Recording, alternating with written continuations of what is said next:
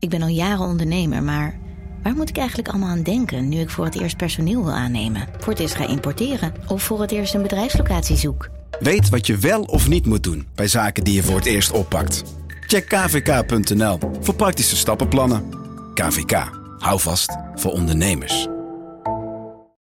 Al 125 jaar kwaliteit voor jou thuis met Miele. Dat vieren we met jou. Ontvang nu tijdelijk een cashback tot 125 euro op veel Miele-apparatuur. Geniet van de kwaliteit van Miele. Voor perfect verzorgd wasgoed en kleding die veel langer mooi blijft. Voor een stralend schone vaat, even perfect als jouw diners. En een stofvrij thuis waarin echt hygiënisch schoon de standaard is. Check miele.nl voor alle feestelijke aanbiedingen.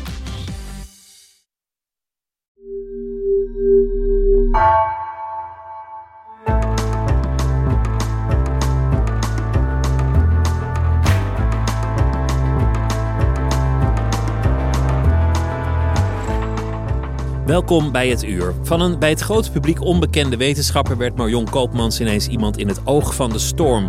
Aan de tafels waar de beslissingen werden genomen, in het volle licht van de talkshows en onder vuur in de donkerste krochten van het internet. Er is een boek, Viroloog in een veranderende wereld, opgetekend door haar eigen zoon, Misha Huismans. En daarin kijkt ze terug op die roerige periode en op haar leven tot dan toe.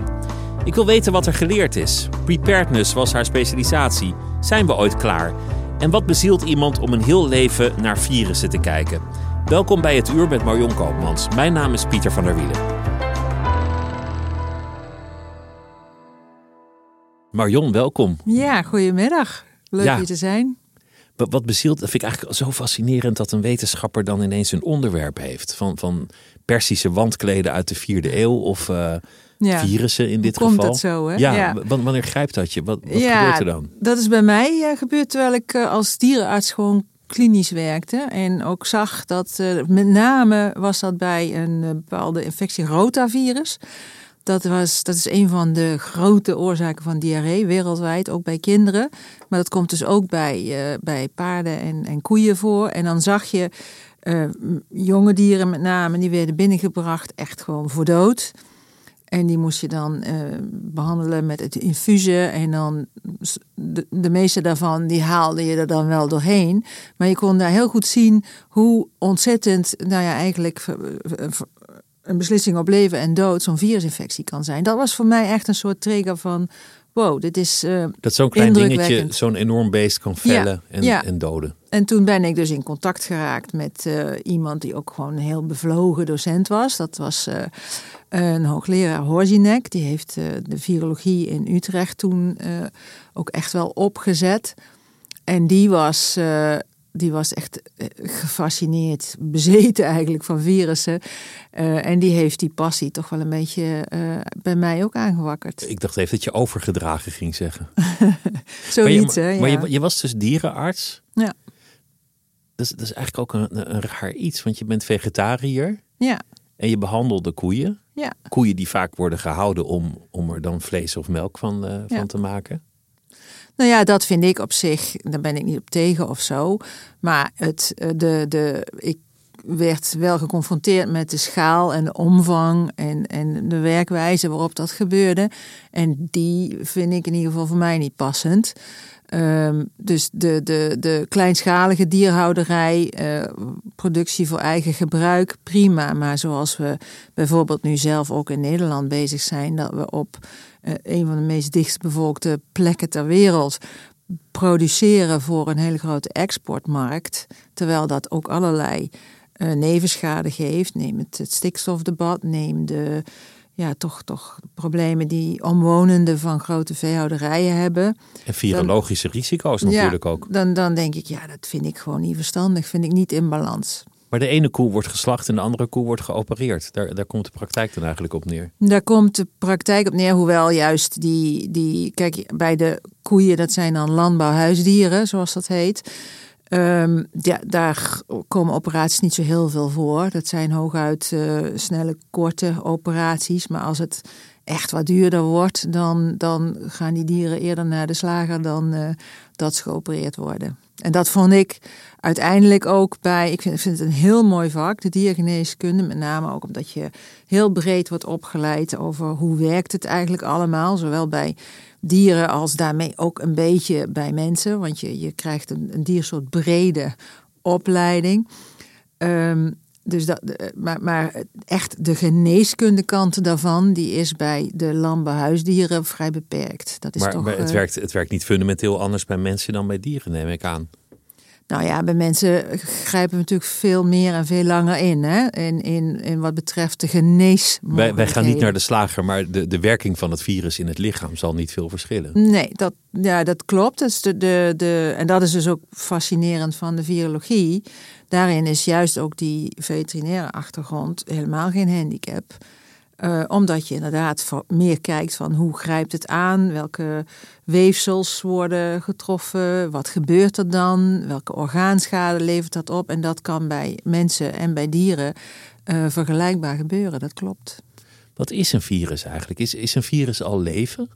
Of is een virus een soort halfvorm van leven? Ik bedoel, wij kunnen het creëren als mens. Je kan een virus maken, maar dan heb je nog niet de, de levensvonk te pakken. Nee. Dan ben je nog niet als een, een Frankenstein. Nee, dus bezig. een virus heeft dus in, in de definities, uh, zeg maar in de biologie wordt een virus zelf niet als levend uh, beschouwd. Het is iets wat uh, alles bij zich draagt, dus de genetische code bij zich draagt, om als die binnen cellen terechtkomt, binnen levende cellen terechtkomt, om die cellen aan te zetten tot productie van nieuwe virussen.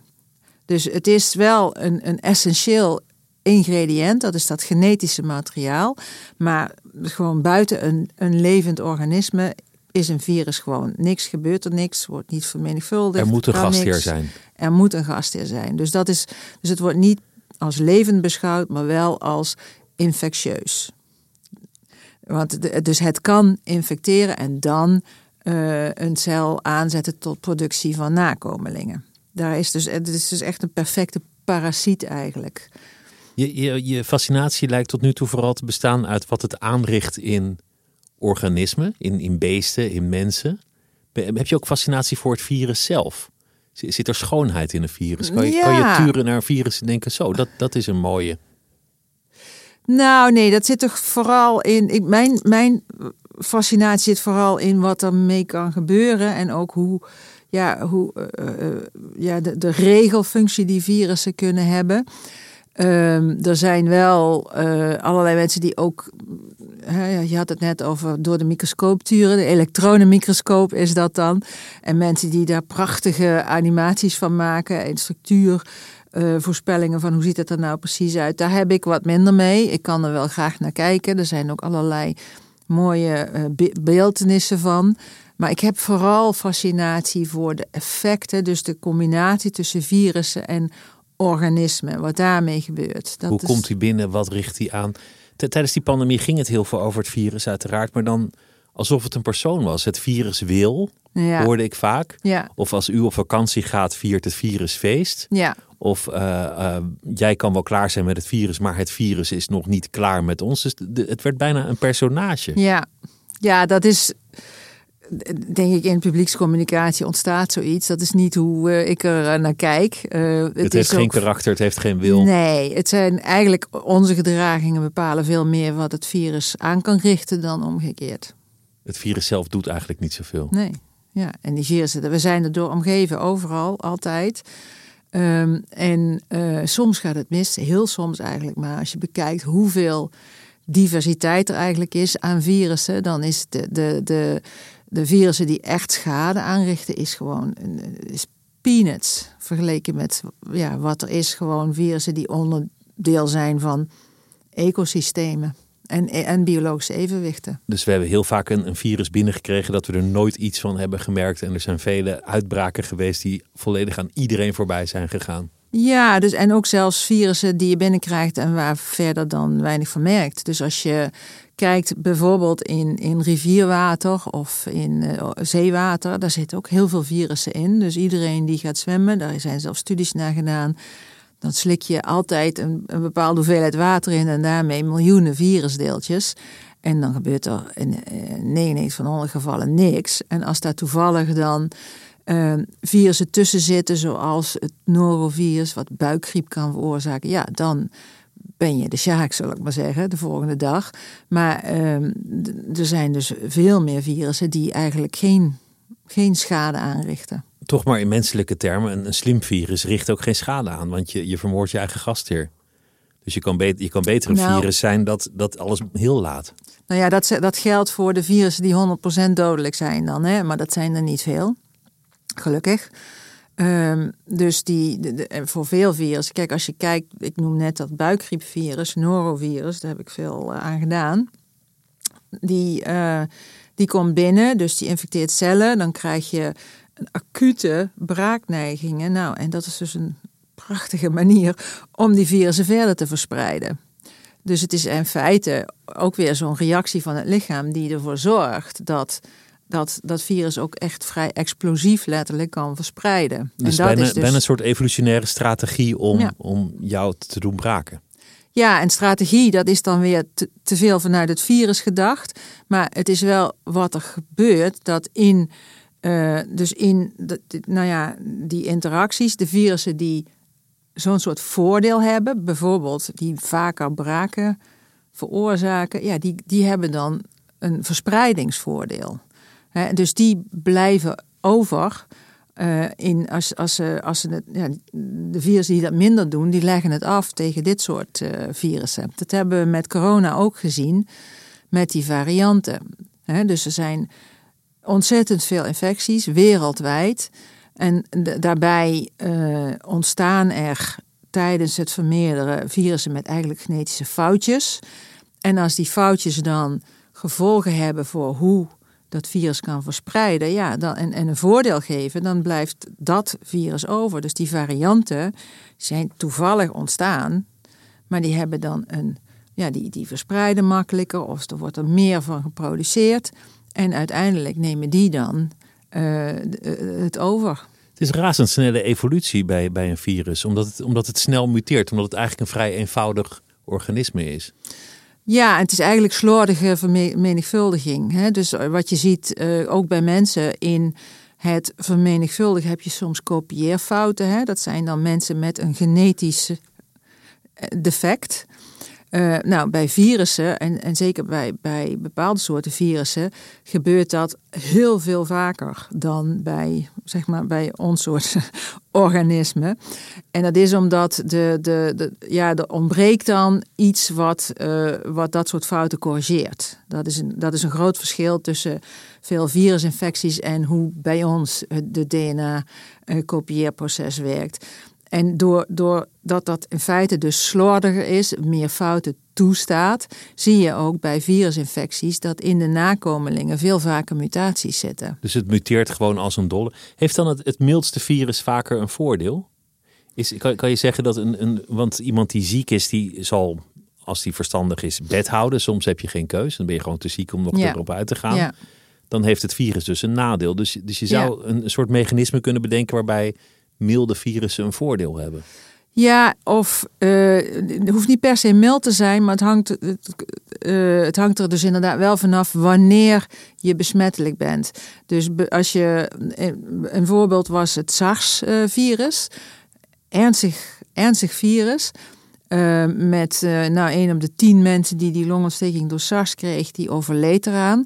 Maar mensen met SARS werden pas besmettelijk als ze die longontsteking kregen. En dan lagen ze ook echt in bed, want dan waren ze hondsberoerd. En dan ben je dus niet zo makkelijk aan het spreiden. Krijg je diezelfde soort longontsteking, maar van een, een nieuw soort griepvirus, dan is de bulk van de besmettelijkheid die is al voordat je klachten hebt dus dat is al veel verder In de tussenliggende periode kan je al flink wat rondkuchen in het Precies. Dus het heeft uh, dus, dus niet zozeer te maken met de ernst, maar gewoon hoe die infectie werkt. En op welk tijdstip iemand besmettelijk wordt. Uh, dus het zijn echt, ja, het is per infectie is dat anders. En dat zijn juist ook, dat hebben we ook beschreven, dat zijn juist ook de dingen die je eigenlijk moet snappen bij elke nieuwe uitbraak. Hoe werkt deze nou precies? wanneer is de piek van de besmettelijkheid? Wanneer komen de klachten? Hoe verspreidt het zich? Heeft een virus nut? Heeft het een functie? Ja. Ja. hebben mensen nut, hebben dieren nut? Dat is natuurlijk een, een beetje een filosofische vraag, maar Nou ja, in, eh, dus wat in ieder geval duidelijk is, is dat virussen echt ook een soort eh, eh, regelfunctie hebben in biologische evenwichten. Eh, dat is eh, goed uitgezocht in eh, oceaanonderzoek, waar ook heel veel virussen gevonden worden. En daar, is, zie je, daar zijn studies dat als je bijvoorbeeld te veel algen krijgt, eh, en dus een, een, een hele snelle toename van de aantallen algen, hè, te veel algen op elkaar, dan krijg je daar, dan krijgen virusinfecties van die algen, die krijgen een kans. Dus dan krijg je uitbraken van virusinfecties voor die algen en dan wordt dat probleem weer gereduceerd. het ruimt op eigenlijk. Het ruimt op, dus het houdt, een soort, het houdt zo'n soort biologisch evenwicht in stand. Ook in, onze, in ons lichaam, we zitten vol met bacteriën ook. Hè. Onze darm zit vol met bacteriën en ook met virussen die die bacteriepopulatie in, in een soort evenwicht eh, houdt. En Dus er wij zijn- zijn met ook heel veel meer dan strikt noodzakelijk op de planeet. Ik bedoel, we drukken nogal op andere soorten. Ja, We drukken op de biodiversiteit. ja. Ja, vanuit het evenwicht bezien zou er wel eens een virus doorheen kunnen. dat vanuit het, als je het puur biologisch en filosofisch bekijkt, dan is dat wat we zien gebeuren, namelijk meer van dit soort uitbraken, is eigenlijk inderdaad ook een logisch gevolg van, van die, die biologie. Eh, dat klopt. Ja, hoe meer. eh, dus dat, dat worden ook de, de drijvers van, eh, van nieuwe infectieziekteuitbraken genoemd. Eh, en dat, dat zijn dingen als ja, snelle bevolkingsgroei, veel mensen op een kluitje, eh, ten koste van bijvoorbeeld eh, regenwoud. Ja, dan, dan zoek je grenzen op. En, en zodra er iets flink verandert, dan kun je er eigenlijk donder op zeggen dat, er, dat je de kans vergroot dat er virusinfecties eh, eh, ja, gaan komen. Dus in die zin klopt het wel, ja. Dus het zat eraan te komen. Nou, nou riepen virologen ook al decennia van er komt een pandemie. Reken er maar op. Die, die pandemie die is al een keer geweest. Die komt nog een keer. Hoe is het dan toch anders als het gebeurt? Drie jaar geleden, kort voor oud en nieuw. Toen kwam ineens dat telefoontje vanuit Ja. China. Er is hier iets geks aan de hand. Ja, We, we denken dat we een nieuwe uitbraak hebben. Dit zou wel eens de kandidaat voor die pandemie kunnen zijn. Hoe is het dan anders dan, dan hoe je altijd dacht dat het zou zijn? Ehm, nou, een heleboel dingen niet. Dus die, eh, je ziet eigenlijk meteen hetzelfde lijstje vragen als bij elke uitbraak. Kijk, aan het begin weet je nog niet of het een pandemie is. Hè? Dus als eh, we hebben Het is gewoon een uitbraak. Kan, een kan ook daar blijven. Ja, we hebben net, de, de vergelijking is misschien wel aardig om te maken. We hebben net ook eh, de monkeypox-uitbraak gehad. Die is, nog, die is nog steeds gaande. Mpox heet het inmiddels. Eh, dat was aan het begin, dan weet je niet, heb je, we hebben precies dezelfde dingen moeten doen. Om te kijken van eh, wat gebeurt hier, waar komt het vandaan, hoe verspreidt het, hoe besmettelijk is het, hoe ernstig is het, eh, wat moeten we er tegen doen. En bij de een zie je dat het langzaam maar zeker werkt en dat, dat hè, de monkeypox dat, dat die verspreiding afneemt. Bij corona was dat niet genoeg. En dat hele proces, dat, die hele cascade aan vragen, die heb je bij elke uitbraak. Dus dat was voor mij niet een nieuw soort proces. Maar wel de, Was ook niet een gevoel van, hé, hey, dit zou wel eens anders kunnen zijn. Mm, nou, wel van dit zou wel eens echt kunnen zijn. Een pandemie. We hebben eerder, ik heb eerder, we hebben allemaal eerder een pandemie meegemaakt van de H1N1. Hè? Dat is helemaal niet zo lang geleden. Ehm, en toen dat, dat speelde, was nog gewoon griep. dat was griep in 2009. Ehm, en dat zijn we eigenlijk allemaal al vergeten. Eh, en dat, omdat dat een, eigenlijk een meevaller was, dat het een vrij milde griep was, vergeleken met wat we al hadden. Dus daar hebben we wel ook gezien dat eh, de griepvirussen van voor die tijd verdwenen ten koste van dit virus. Maar die bleek eh, qua ernst van de klachten verhoudingsgewijs mild te zijn. Maar we hebben toen precies hetzelfde fenomeen gehad. Een melding uit eh, de Verenigde Staten. Nou, een week later hadden wij al de eerste gevallen in Nederland. Dus in die eerste weken is er, is er razendsnel gezorgd dat er overal testcapaciteit was. Moesten, er, moesten de ziekenhuizen zich voorbereiden, moesten er geneesmiddelen komen.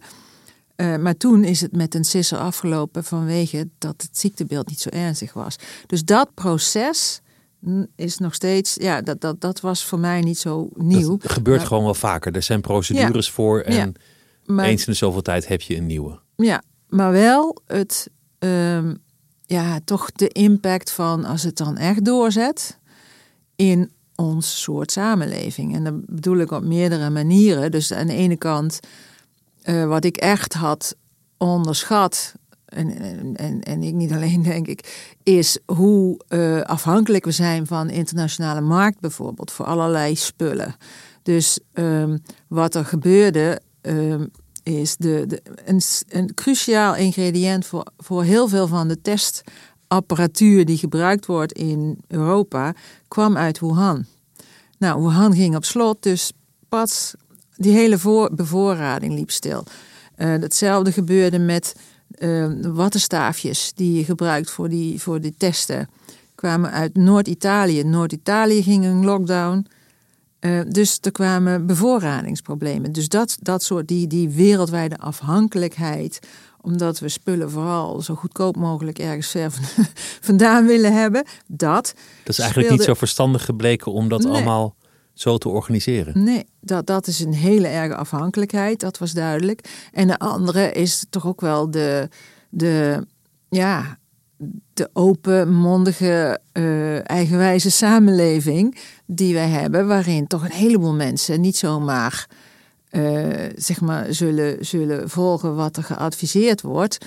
Uh, en eigenlijk wel eerst zelf iets over willen weten. Dat is denk ik, dat, is, dat vind ik prima. Ik woon hier graag en ik vind dat juist ook heel leuk van ons soort omgeving. Maar dat je, ik denk dat de hele uh, voorbereiding op pandemieën dat stuk wel echt een beetje onderschat heeft. Van hoe pak je dat nou eigenlijk aan? Hoe krijg je mensen mee in je verhaal? Hoe krijg je juist ook die, ja, de diversiteit van mensen mee in dat verhaal? Dat is duidelijk dat daar eh, wel echt werk aan de winkel is. Leiderschap gaat het dan over. In, in het begin was, was de sfeer heel erg, uh, we hebben dit onder controle.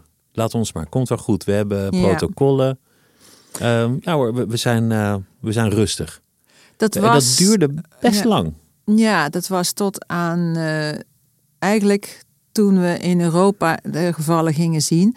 Maar dat was ook vanwege, uh, nou, in eerste instantie de gegevens uit China. Daarvan kun je zeggen, ja, hoe, hoe uitgebreid waren die? Maar die gaven meer een beschrijving van een beeld zoals we dat bij SARS gezien hebben, dan bij wat het uiteindelijk bleek te zijn. En want SARS was ook wel een heftige en ernstige uitbraak, maar was uh, met de bestrijdingsmaatregelen die er zijn eigenlijk prima te stoppen. Um, dus de, en aanvankelijk leek het daarop. We zagen ook uh, reizigers in verschillende landen. En daar werd dus met die gewoon die klassieke bestrijding van je, je, je, je, je test mensen, je zet de omgeving in quarantaine, de patiënt in isolatie. En daarmee stopte dat elke keer. Dat was echt de eerste anderhalve maand was dat het beeld. Dus daaruit dacht je van nou, ja, volhouden, dan is dat dus uh, te bestrijden.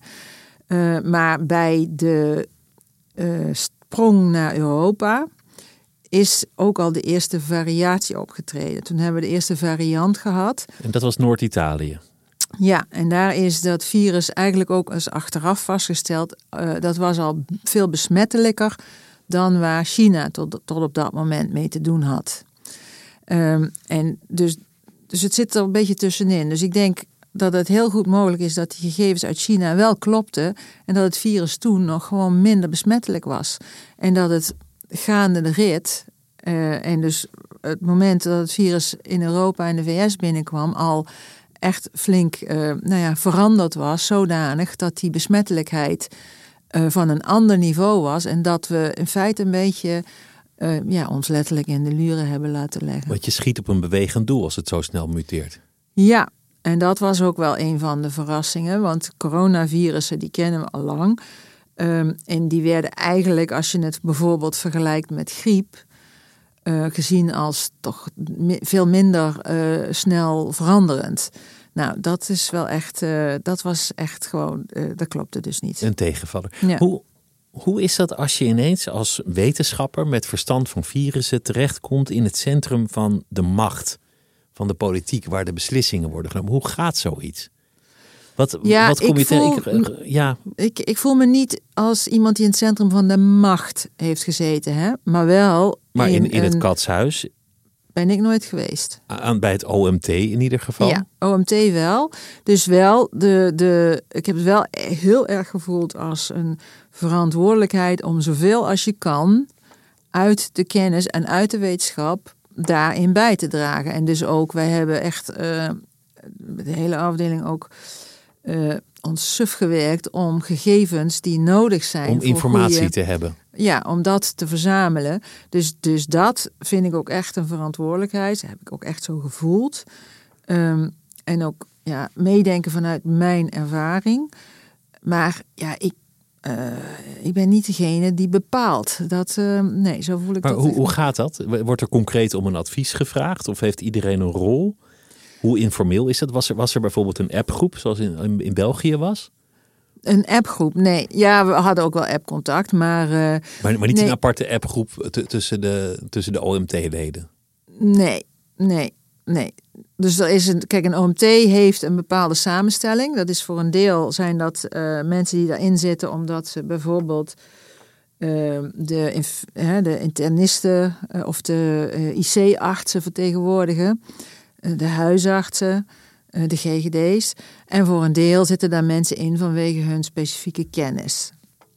En ehm, de, de, wat er langskomt is, dat kan of zijn vanuit eh, een vraag van het RIVM, van jongens, dit is wat we zien, help mee om te adviseren wat te doen. Kijk mee, want het, is, dat, dat, het, het OMT wordt überhaupt pas ingeschaald als het gaat over dingen die eh, bijvoorbeeld één GGD of twee GGD's niet zelf meer aankunnen. Dan komt een OMT in beeld.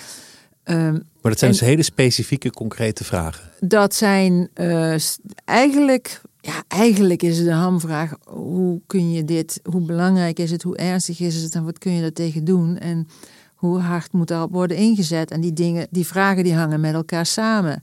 Hè, dus als je ook weer de vergelijking met eh Mpox is misschien wel aardig. Dat is helemaal niet zo erg in beeld geweest. Maar dat was net zo'n hectiek eigenlijk de afgelopen maanden.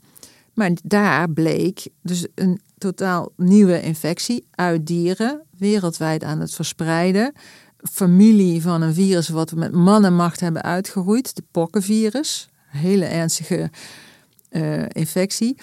Eh, waarvan we niet weten of het daarbij blijft en of dit monkeypox-virus niet kan veranderen door mutaties richt- richting een ernstiger vorm. Eh, dus daar spelen dan precies dezelfde dingen. Ehm, waarbij je eh, in dat geval zegt van nou ja, uiteindelijk zien we dat die verspreiding heel erg meevalt. De, de ziektelast valt heel erg mee. Dus daar is veel minder deining over geweest uiteindelijk. Maar die is net zo, maar op dezelfde manier Vanuit jouw bestreden. bezien was dat hetzelfde. Maar je hebt, je hebt niet het gevoel dat je, dat je in het centrum van de macht zat. Nee. Niet het gevoel dat, je, dat, je, dat het OMT.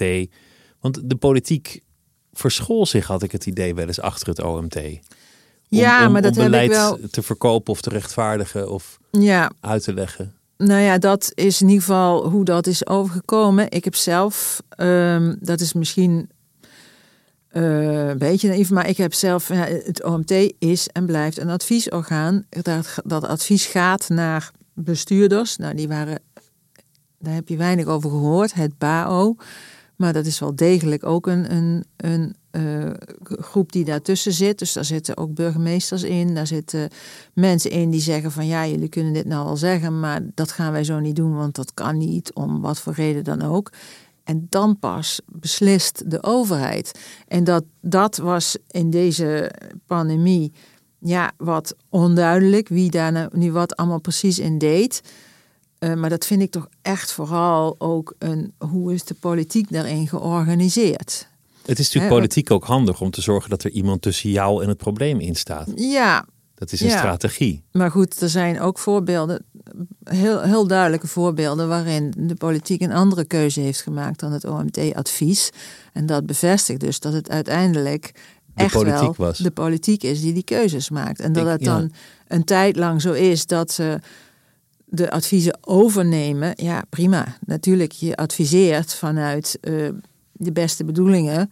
Van wij denken dat dit eh, het, het beste gaat werken. Maar uiteindelijk, ehm, als de politiek het niet wil, dan gebeurt het gewoon ook niet. Jaap van Dissel ging in het begin ook op het podium staan naast Rutte Ja. en, en de jongen. Ja, Daarvan kun je je afvragen of dat slim is voor een wetenschapper om op dat podium te gaan staan. Ik denk dat zijn Ja. bedoeling was, dan kan ik, kan ik vragen Precies. beantwoorden. Ja. Dan kan ik het helder uitleggen. ja. Ik denk niet dat, dat hij andere bedoelingen had. Maar voor, voor de beeldvorming lijkt het dan alsof je bij de macht hoort. Ja, dat, dat is eh, inderdaad ook wel zo eh, gezegd. Hè? Dus dat, kijk, als dat het uiteindelijk effect is, dan moet je dat niet doen, denk ik. Dat je eh, een vorm vindt waarbij degene die inhoudelijk adviseren wel ook kunnen, kan uitleggen hoe dat advies tot stand komt.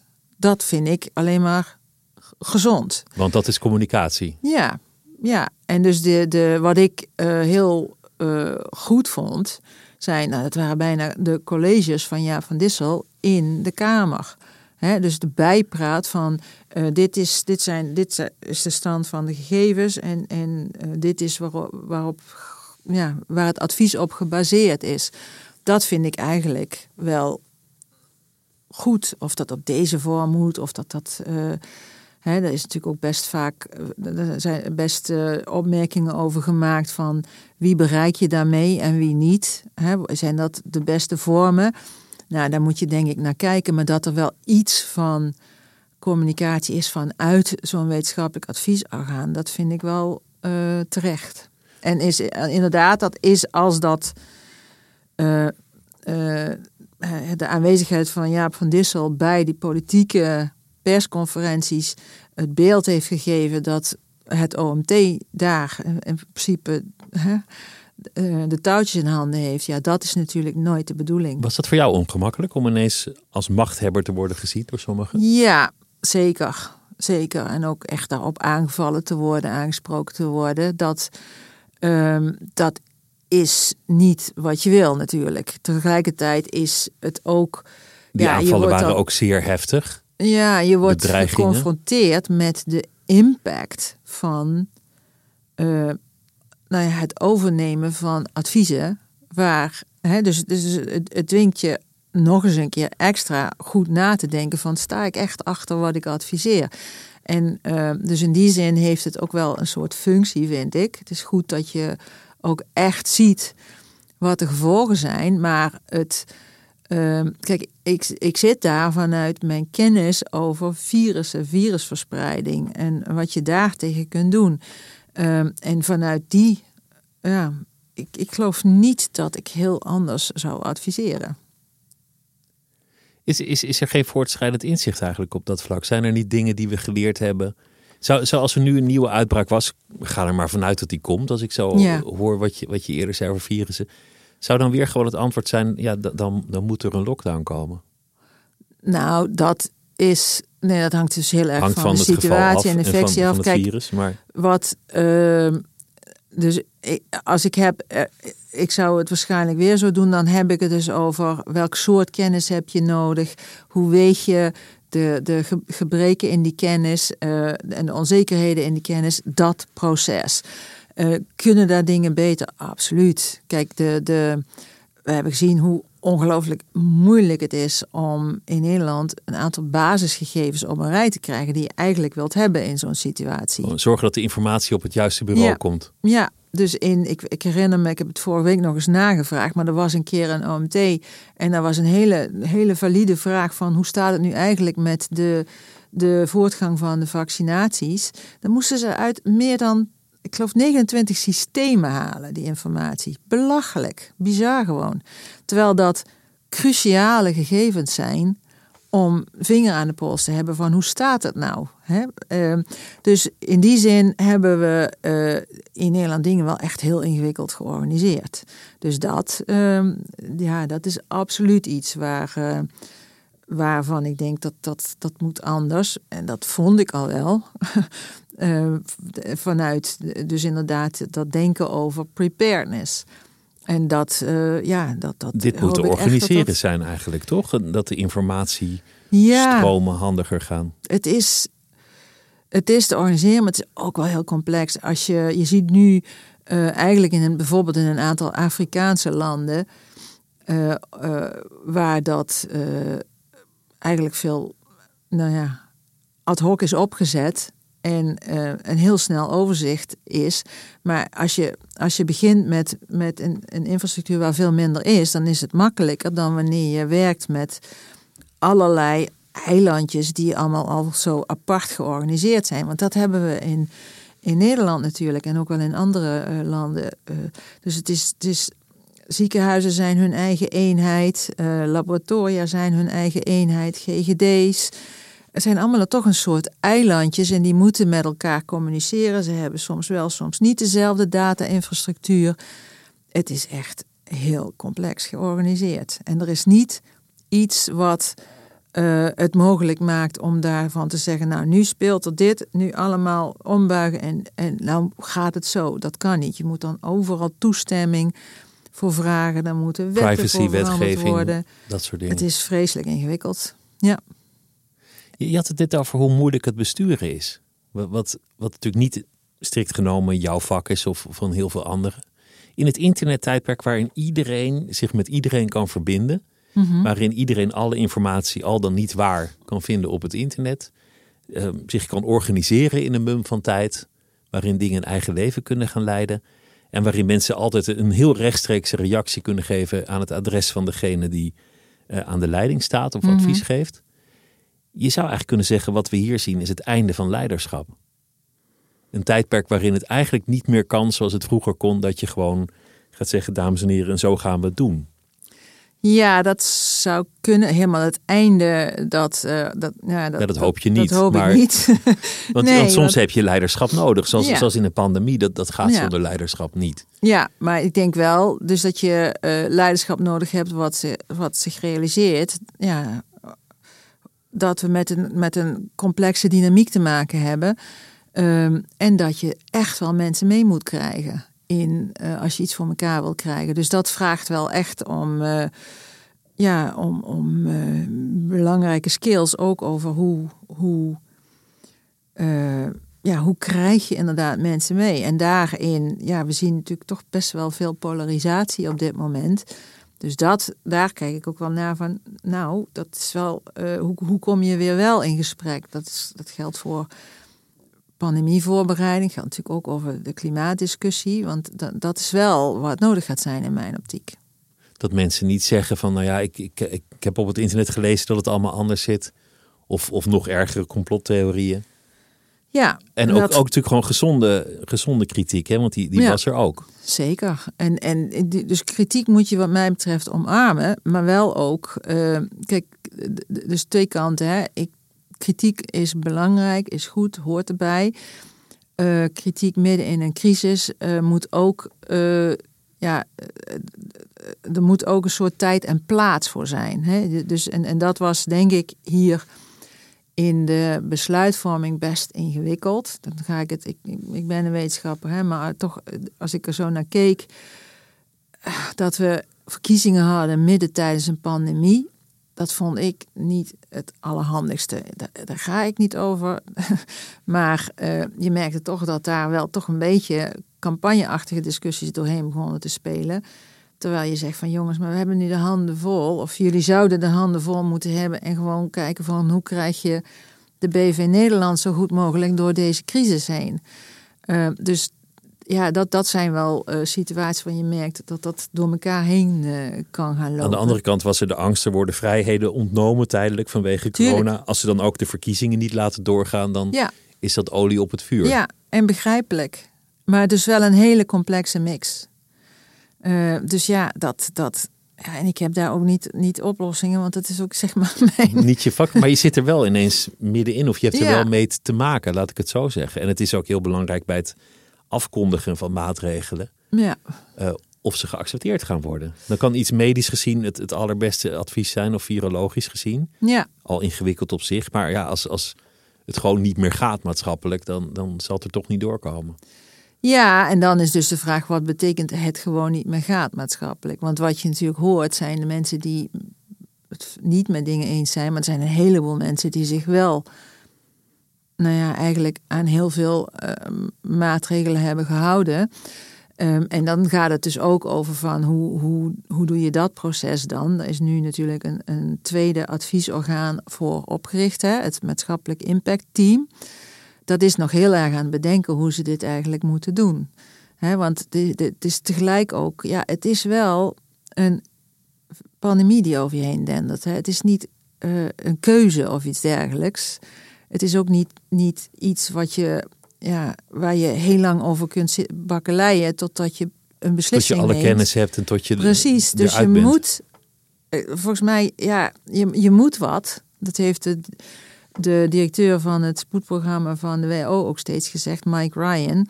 Wacht nou niet tot je zeker bent, want dan loop je geheid achter de feiten aan. Maar dat neemt dus ook wel dat je aan dat je, ja, dat je gewoon uh, ja, een impact hebt die, die, die heel vervelend is, die er wel bij hoort en waar je volgens ook naar moet kijken van hoe doen we dit, hoe verminderen we dit, hoe, hoe kan dat een volgende keer beter. Maar er is de, ook de sociaalwetenschappers die hebben echt nog niet uh, zeg maar een blauwdruk klaar liggen van hoe dat een volgende keer dan wel zou moeten. Nee, wel dat ze aan tafel zouden willen zitten of, ja. of in het advies. Ja, ja. en de, dus ik heb daar ook pas nog weer met een paar eh, met, een discussie gezeten. Want dan moet je dus ook gaan kijken van het is denkbaar dat je vanuit de virus en de epidemiologie kant zegt van nou nu moet je eigenlijk iets doen om ervoor te zorgen dat die verspreiding remt of afremt. En dat je vanuit maatschappelijk uh, kant zegt ja ik kan echt niet meer. Dat dat is denkbaar hè. Um, en dan moet je dus gaan kijken, nou, wat zijn de gevolgen van het een en wat zijn de gevolgen van het ander? Nou, dat, zijn, dat is een soort van kennis en afwegingen, dat hebben we helemaal niet. Veel te complex voor de economie of, of, ja. of, destijds met de avondklok als het, als het, als het rellen wordt. Ja. Ik, ben, ik ben ook wel benieuwd of er nog eens een evaluatie komt van wat nou eigenlijk nut heeft gehad en niet. De avondklok, de, ja, de derde zou... lockdown, de, de, de laatste, was dat nou nodig? Ja, dus dat zou je. Kijk, en achteraf is het uh, makkelijk, hè? Achteraf is het achteraf zo makkelijk. Is het heel gemakkelijk. Daarom heb ik geschiedenis gestudeerd. Maar je zou, uh, ja, dat hoop ik heel erg, dat er echt een zorgvuldige evaluatie komt. Dus buiten de, de politieke en hoe dan het-achtige evaluaties die je een beetje ziet aankomen, maar echt van. Uh, wat leren we hier nou van? Want dat moet natuurlijk wel. Hè? De, de, uh, en zoiets wat jij noemt, die derde lockdown. Ja, daar, uh, daar zitten wij nu ook, uh, ook met de WHO over te praten. Daar zag je ehm, een nieuw virus aankomen. Dat was Omicron. Echt, echt bizar veranderd en ook bizar versneld wat betreft verspreidingssnelheid. Dus daar zag je in de modellering, niet alleen in Nederland, maar echt wereldwijd, een enorme golf aankomen. Uh, en het was niet duidelijk hoeveel milder die infectie was. Er waren wel wat geluiden, maar ja, van een ziekenhuis in Zuid-Afrika. Hoe ga je dat nou doortrekken naar de hele westerse bevolking? Dus dat is echt zo'n voorbeeld van wat is dan, uh, op grond waarvan zou je daar anders hebben beslist? Welke informatie had je toen en had je op basis van die informatie had je het anders kunnen anders beslissen? kunnen doen? Ja, en daar en dat gaat dan dus wel ook weer over dingen van wat zou je klaar willen hebben staan. De vraag daar was heel erg hoeveel minder ernstig is deze nou? En dat is een hele simpele vraag en die is heel moeilijk te beantwoorden.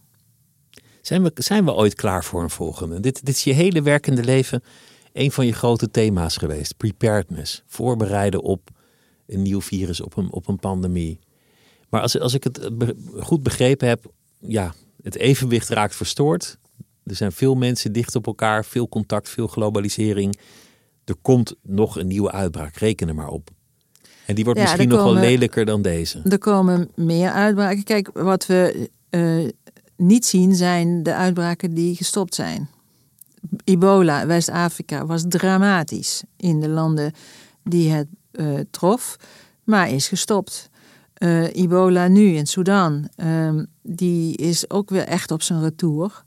Met heel veel inzet en, en een heleboel partijen die daar ingevlogen zijn om dat te helpen uh, dempen. De monkeypox, hetzelfde verhaal. Dus, er, dus een, een heleboel. Het is niet zo dat de bestrijding nergens werkt. Maar de schaal zo, die we nodig hadden tijdens deze pandemie. Ja, daarin merk je dat, uh, dat we echt niet voorbereid waren. En ook dat. En zijn we dat nu misschien beter? Nou, dat. Ja, ik, qua, qua geheugen wel. Hè? Dus stel dat je nu, zeg maar wat, uit vogelgriep een pandemie zou krijgen. Uh, dan uh, is er natuurlijk meer kennis. Dan weten mensen gewoon meer in de maatschappij ook.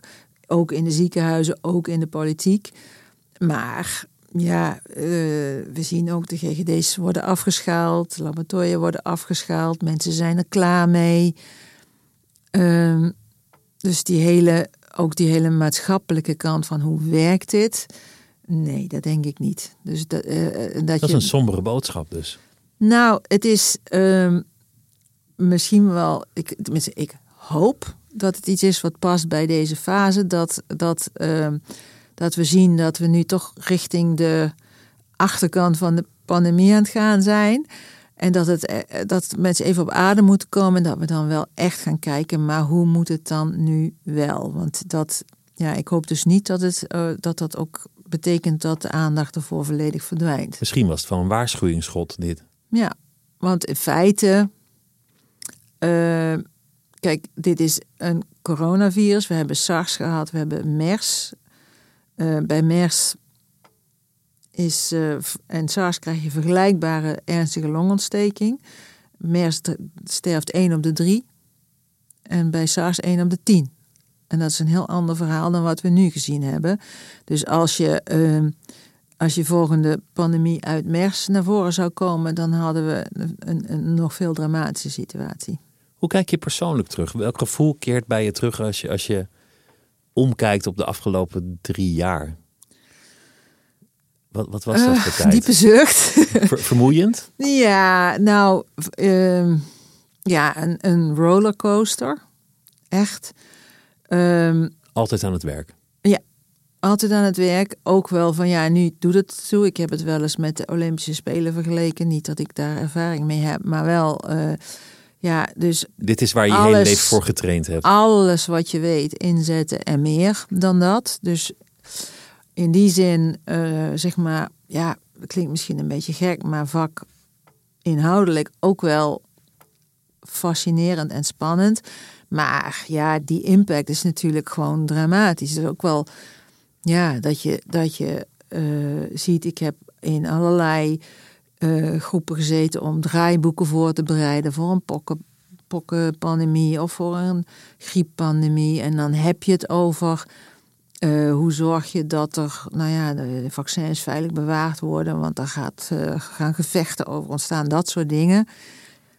Maar dat is theoretisch. En als je dan merkt hoe dat dan, wat een impact het ook echt heeft op de maatschappij, ja, dat heb ik wel echt, ehm, nou ja, heel indrukwekkend gevonden en nog steeds. Dat, ehm, ja, dat is toch van een andere orde. Ik moet altijd denken aan de pest van Albert Camus, waarin, waarin ja. de artsen juist opleven waarin ze in zekere zin hun finest hour hebben, omdat wat ze doen er echt toe doet. Het er werkelijk om spant. Ja, um, maar tegelijkertijd, ja, was het genoeg? Nee. Ik bedoel, we hebben wel een hele heftige pandemie. Dus dat gevoel is er ook. Hebben we wel genoeg kunnen doen? Ja, zeker. Ja. Dat lijkt, dat lijkt me een zwaar gevoel. Um, nou, dat uh, ja, bij tijden. En tegelijkertijd is dat juist ook wel uh, van, ja, zie je, hierom is het zo belangrijk dat we het gewoon blijven proberen en blijven investeren. Dus ik ben ook nu alweer, ja, toch subsidieaanvragen aan het schrijven om te kijken van wat, uh, wat, wat doe je nou met deze ervaring? Welke, welke kennis wil je dan toch proberen te versterken voor de toekomst? Dus er was ergens een gevoel van frustratie, het is niet genoeg. Enorm hard werken, geen moment rust. En dan komt de politie ook nog eens camera's bij je huis hangen of zegt van ga maar even niet de deur uit of uh, zeg als je ergens heen gaat, want dan komt er iemand mee. Dus, dus die volkswoede die, die kwam ook nog op je bord. Ja, dat is. Uh, kijk, in de periode dat we vol in het werk en in de lockdown zaten, dan merk je dat niet zo eens. Hè? Want dan toen zat iedereen zat, uh, zat thuis. Maar met name inderdaad toen het wat. Uh, ja, toen er gewoon weer wat meer kon, heb ik dat wel echt als beperkend ervaren. Um, ja, dat is gewoon heel vervelende kant van de zaak. Klinkt ook wel, klinkt ook wel cool in zekere zin. Ja, maar dat is ook wel omdat je ook wel moet. Want wat, het is ook niet zomaar iets wat kan. Het is er gewoon. Dus ja, dan, dan zit ik er wel zo in van deal with it. Ik kan, ik kan er wel van alles van vinden. Ik vind er ook van alles van. Ik vind het echt gewoon heel vervelend. Ehm, en ik snap de, de. Maar ik snap frustratie, ik snap boosheid. Ik snap dat als je dan een beetje zichtbaar bent, dat zich dat random ook op jou richt. Uh, dat, dat vind ik vervelend. Maar ja, ik snap het ook nog wel een beetje. Waar ik wel echt moeite mee heb, is als dat gewoon, en dat gebeurt door een heel klein groepje, gewoon bewust aangejaagd wordt. Uh, en dat is wel iets waar ik me zorgen over maak. Ook wel van ja, wanneer houdt dat op? Dus, dus adressen publiceren op internet. Ja. Of, of moedwillig iemands reputatie uh, te gronden helpen. Dat soort dingen. Ja, en daarvan denk ik ook van, nou, daar zijn we nog steeds, daar zijn we nog niet mee klaar. Het is, uh, is net vandaag een hoop te doen over opmerkingen van de nieuwe eigenaar van Twitter over uh, de adviseur Tony Fauci. Ehm, echt gewoon ja, beschuldigingen waarmee je in feite een soort hondenfluitje blaast voor, voor iedereen die, uh, die die man gewoon target. En dan denk ik van, wat is dit voor een onverantwoord gedrag eigenlijk? Dat vind ik wel echt zorgwekkend. Dat zijn, zijn eigenlijk ook aanvallen niet alleen op de personen, maar ook op, de, wetenschap, als, als instituut. Ja, precies. En daar maak ik me wel zorgen om. Um, dus dat is wel echt ook een van de redenen waarom ik denk dat, dat wat ik net zeg, hè, dat stof, uh, dat moet even neerdwarrelen en dan moet echt gaan kijken, ja, maar hoe kom je nou wel met elkaar in gesprek? Want dat is wel echt heel belangrijk. Um, wat je merkt aan, er is pas nog een uh, soort uh, onderzoek gedaan door het Ratenau Instituut, dat het met vertrouwen in de wetenschap echt wel goed zit, nog steeds. Maar ja, dit zijn wel ook wel bewegingen, ook wel een deel politieke bewegingen, die dat wel heel hard proberen te ondermijnen. En dat vind ik wel, dat vind ik echt zorgwekkend een van de moeilijke dingen met wetenschap in verhouding tot politiek is dat wetenschap juist gaat over het niet zeker weten van dingen. Ja. En, en zeker in dit soort gevallen dat je er ook soms valikant naast kunt zitten. Ja. Terwijl je wetenschappelijk het goede hebt gedaan. Ja. En dat, dat, is moeilijk uit te leggen. Ja, het is uh, denk ik niet zo moeilijk uit te leggen, maar je moet het ook willen. Je, er moet, je moet het willen begrijpen. De tijd en de ruimte voor zijn en het willen begrijpen. En ik denk ook wel. Uh, het is heel moeilijk uitleggen midden in een crisis als het mensen allemaal helemaal direct aan hun lijf treft of aan hun, hun zaak, hun inkomen. Dan dat is natuurlijk een onmogelijke uitgangssituatie. Maar dat is ook waarom ik denk dat dit soort uh, uh, gesprekken over hoe werkt dit nou eigenlijk en uh, ja, wat zit er dan nog meer wat aan te komen? Hoe doen wij dat zelf? Hoe zouden we het een volgende keer doen? Dat je dat veel rustiger moet doen. Uh, dat is dus wat mij betreft ook onderdeel van preparedness. Um, met van, ja, hoe, hoe zou het dan nu wel gaan met deze ervaringen, met deze lessen? Wat, wat heeft wel gewerkt? En hoe zou je, hè, er zijn bijvoorbeeld, um, ik zat van de week in een buurthuis in Rotterdam en daar was uh, een arts die veel heeft gedaan aan uh, bijvoorbeeld de twijfeltelefoon. Mensen die het gewoon niet zo weten, uh, van alles horen, complotten zien op internet en het gewoon niet weten. Nou, dat gesprek en uh, mogelijk maken is natuurlijk super belangrijk. Maar hoe doe je dat nou in een crisis, terwijl juist al die mensen, dat was een huisarts, stervensdruk zijn? Hoe doe je dat? Wat, wat moet je daarvoor organiseren om dat een volgende keer eh, beter te kunnen doen. Dat, dat, ja, ik, ik hoop echt dat daar ruimte voor gaat komen. Nou, nou uh, moet je volgend jaar met emeritaat, uh, geloof ik. Ja, geloof ik. 67. Ja, dus er is, uh, uh, we zijn in gesprek, laat ik het zo maar zeggen. Want, want je wil niet? Nou, ik heb, uh, nee, ik heb echt nog wel plannen. We zijn bezig met, het, met een nieuw centrum wat ik mee heb opgezet. En we zijn aan het kijken. Ik wil heel graag eigenlijk proberen daar gewoon stabiel instituut te hebben staan en dan, dan de deur dicht te trekken. Dus het grote levenswerk is nog niet afgerond eigenlijk? Nee. nee. Wat, wat, is dat eigenlijk voor levenswerk? Um, ja, goede vraag.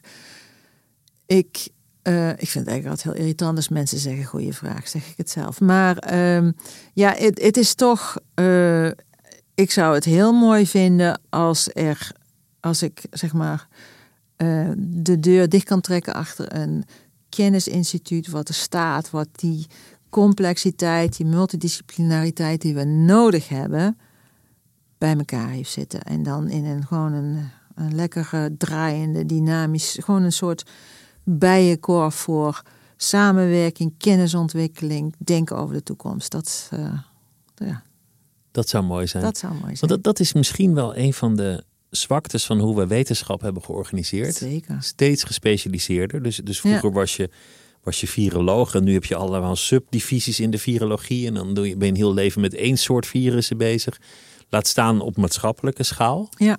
Iedereen weet heel veel van heel weinig. Ja. Maar, maar wat we eigenlijk steeds missen, en dat zie je in zo'n crisis, is mensen die heel veel van heel veel weten. Die, ja, en die dat kunnen verbinden. Ja, dat klopt.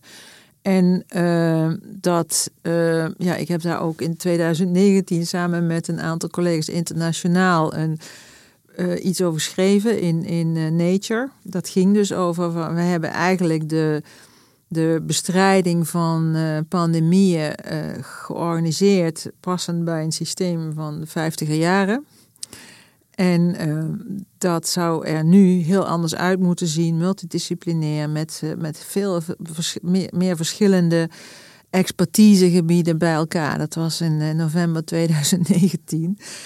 Um, dus ja, dat vind ik wel. En daarin is de manier waarop wetenschap en het wetenschapsbedrijf is georganiseerd, werkt tegen. Want dat werkt over het algemeen tegen samenwerken. Het gaat heel erg over individueel profileren en belonen.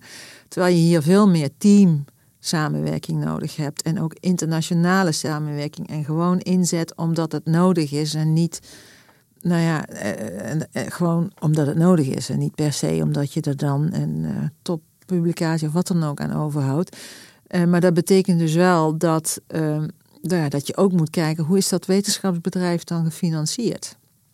Hè, dus de, Waar krijg je geld voor? Hoe werkt zo'n Ja. aanvraag? ja, en de, de, dus in nou, wat ik eh, noemde en wat we ook wel beschreven hebben, omdat dat ook wel een frustratie is van mij, dat eh, bij al die uitbraken, of dat nou in de ebola ging, waar we met mobiele labs eh, hebben gewerkt, of bij Zika, of bij deze pandemie, waar je dan mee begint als wetenschapper, is subsidieaanvragen schrijven.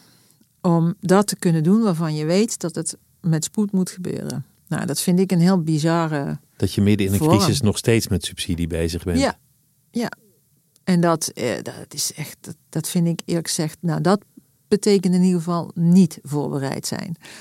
Er moet een noodfonds komen of iets, of, Eh, ja, of een snelle precies. procedure. Ja, en er was er al, eh, dus Europees waren er een aantal eh, netwerken op dit terrein. En die hadden allemaal al, die hadden subsidie, maar met de voorwaarde dat als er iets gebeurt, dan verwachten we dat jullie jullie geld meteen daarvoor gaan inzetten.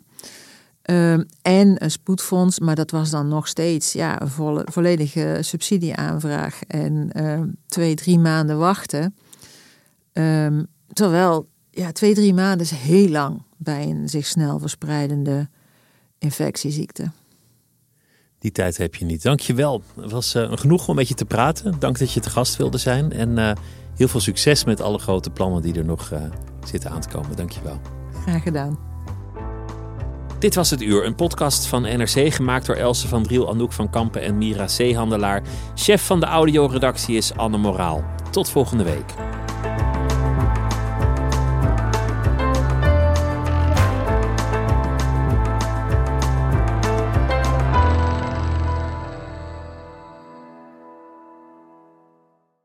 Technologie lijkt tegenwoordig het antwoord op iedere uitdaging. Bij PwC zien we dit anders. Als we de potentie van technologie willen benutten, kunnen we niet zonder een menselijk perspectief. Human-led, tech-powered noemen we dat. Ga naar pwc.nl.